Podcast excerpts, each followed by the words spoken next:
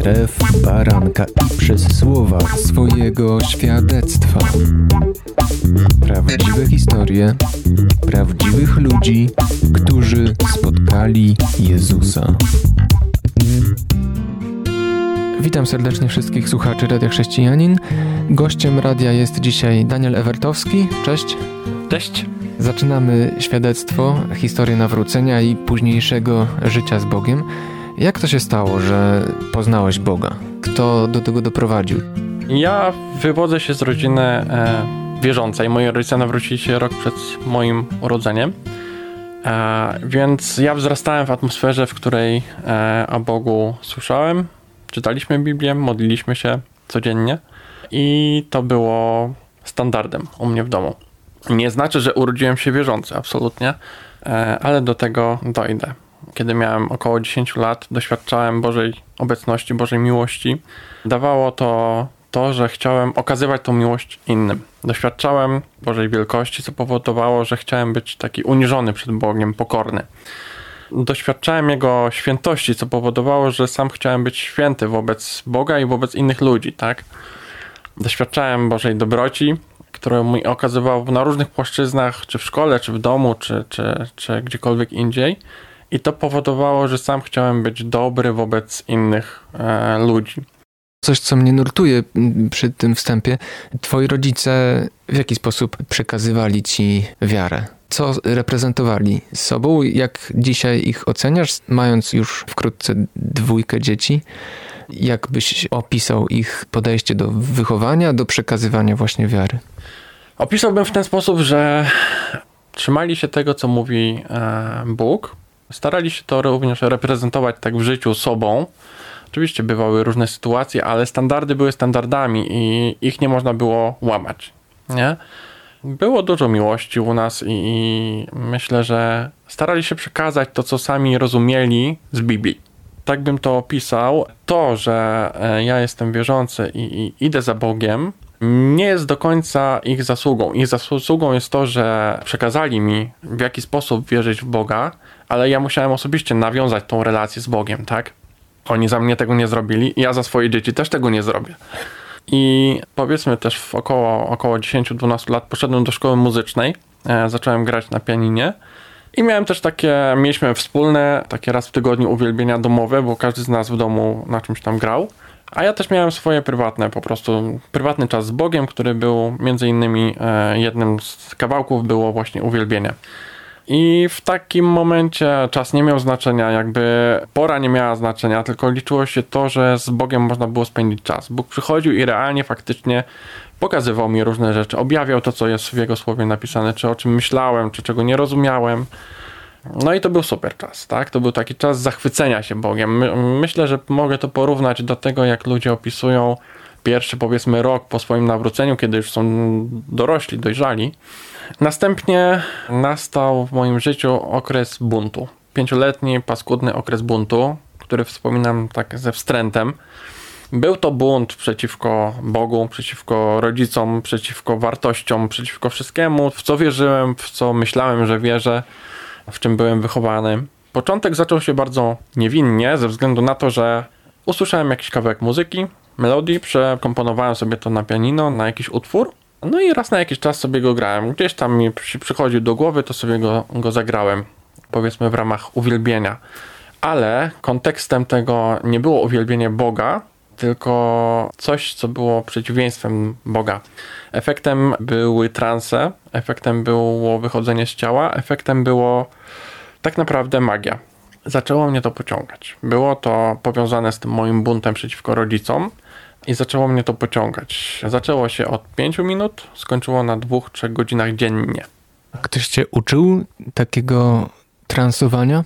Nie, absolutnie. I też z nikim potem nie, roz... to znaczy rozmawiałem z ludźmi, ale nie porównywałem tego, w jaki sposób ja transowałem albo w jaki sposób inni. Nie, nie miałem pojęcia, nikt mnie tego nie nauczył, tak? Też nie szukałem w internecie. Nie, nie miałem z tym styczności. Po jakichś dwóch tygodniach e, takiego transowania zacząłem mieć wizję jakiegoś anioła, który zaczął być przewodnikiem. te takie podróże stawały się coraz dłuższe. Efektem było to, że w ogóle przestałem czytać Biblię i w ogóle przestałem się modlić. I zauważałem tę różnicę w swoim duchu, że coś jest nie tak, ale mi się to podobało, pociągało mnie to. Efektem w domu było to, ja mam trójkę rodzeństwa, brata i, i e, dwie siostry. Efektem było to, że e, był totalny chaos w domu. Wywoływałem awantury, e, mojego brata biłem, ja jestem najstarszy. E, mojego brata potrafiłem tak zbić, że nie potrafił wstać z podłogi. Dzięki Bogu jesteśmy teraz pogodzeni, on tutaj mieszka niedaleko i, i wszystko jest w porządku. Ale to było straszne i to było moją e, winą, a dokładnie tego, co mnie kierowało, tak? A jak wyszedłeś z tego miejsca, jaki to był proces, to porozmawiamy po przerwie. Teraz piosenka. Słuchasz Radia Chrześcijani, ewangelicznej stacji nadającej z myślą o Tobie.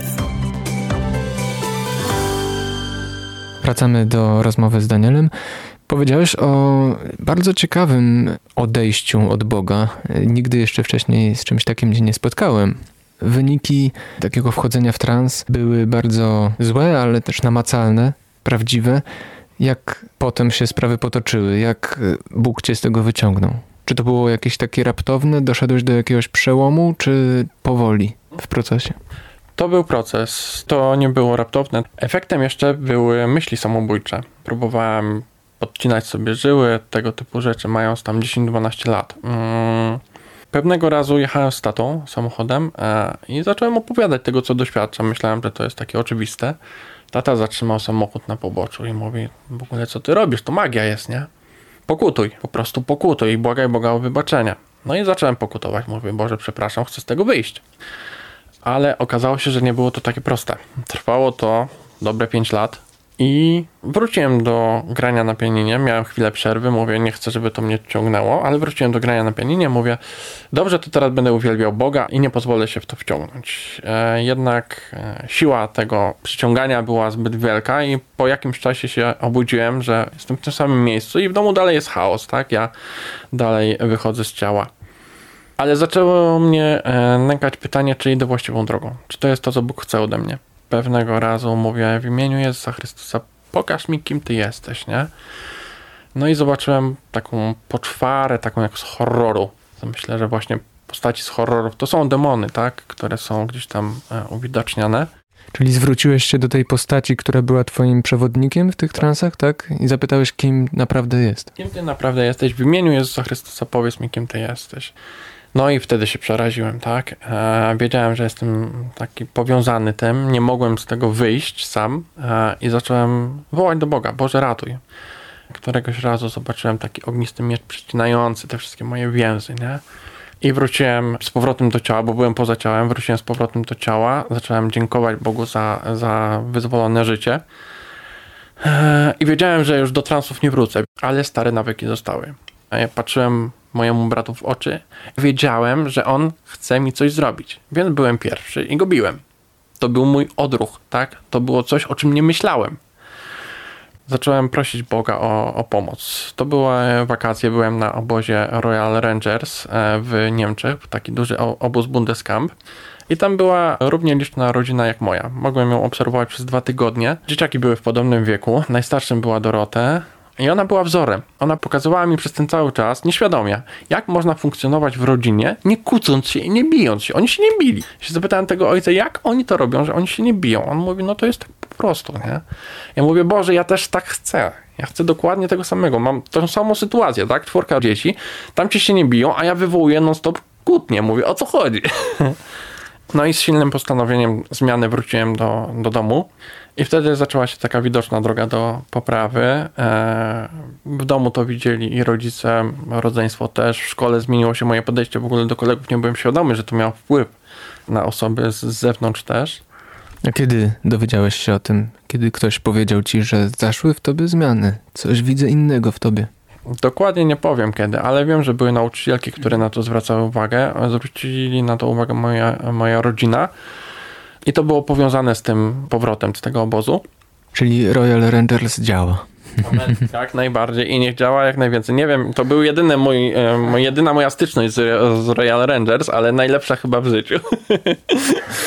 e, miałem 18 lat, jak 17-18 lat, jak wracałem z tego obozu i wyjechałem do Krakowa. Pochodzę z Łodzi, wyjechałem do Krakowa, chciałem się usamodzielnić tak od rodziców finansowo, tak mentalnie, społecznie. I Kraków był miejscem, w którym Bóg okazywał mi wielkie błogosławieństwo. To było miejsce też wielkich testów, tak, bo byłem testowany w kontekście wierności przedmałżeńskiej, byłem testowany w, w kontekście miłości do mamony. Miałem wielką miłość do pieniądza jako takiego, gdzie nie miałem pieniędzy, tak, ale miłość do pieniądza i posiadania miałem wielką, olbrzymią. I Bóg mnie z tego uwolnił. E, byłem testowany z wierności Bogu e, w momencie, kiedy wszyscy dookoła, w sensie towarzystwo, w którym akurat byłem, bo pracowałem, totalnie szydzą z wartości, które przedstawiałem tak, sobą. Ale Bóg był wierny w tym wszystkim i chcę powiedzieć, że nie należy się poddawać, nawet jak jest ciężko.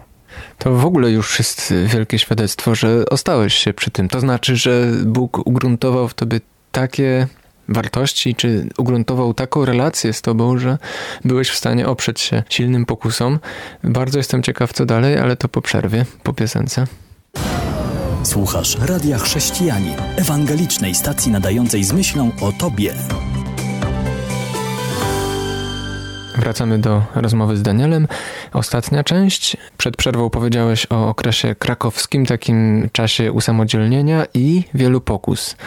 Co się stało dalej? To były dwa lata. Dwa lata testów, dwa lata sprawdzania.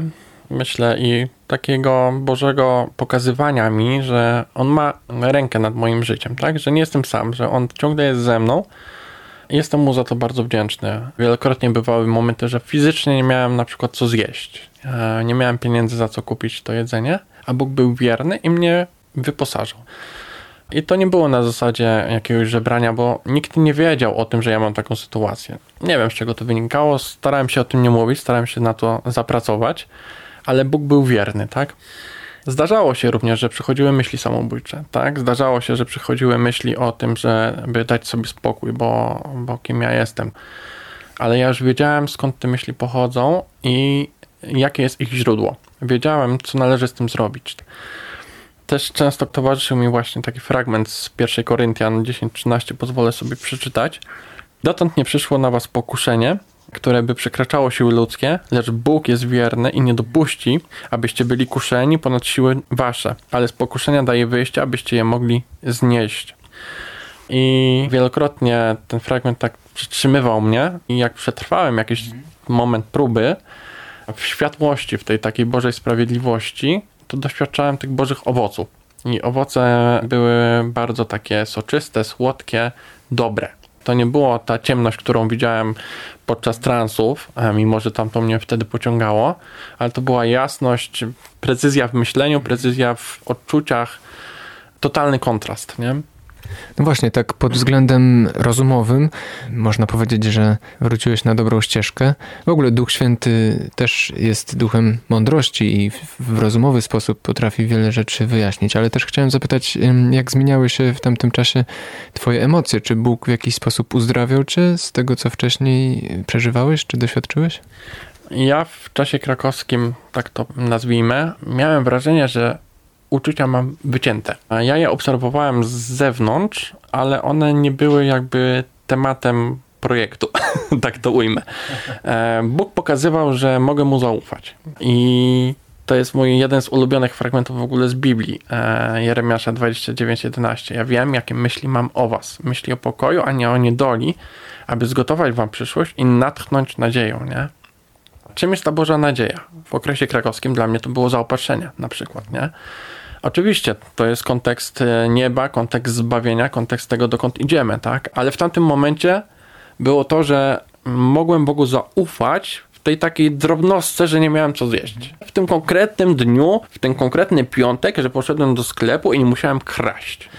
A zdarzało mi się nie kraść, ale zdarzały mi się pokusy, żeby kraść, bo byłem głodny, nie? Też psalm jeden ze mną wtedy szedł, też przeczytam. Będzie on jak drzewo zasadzone nad strumieniami wód. wydające swój owoc we właściwym czasie, którego liść nie więdnie, a wszystko, co uczyni, powiedzie się.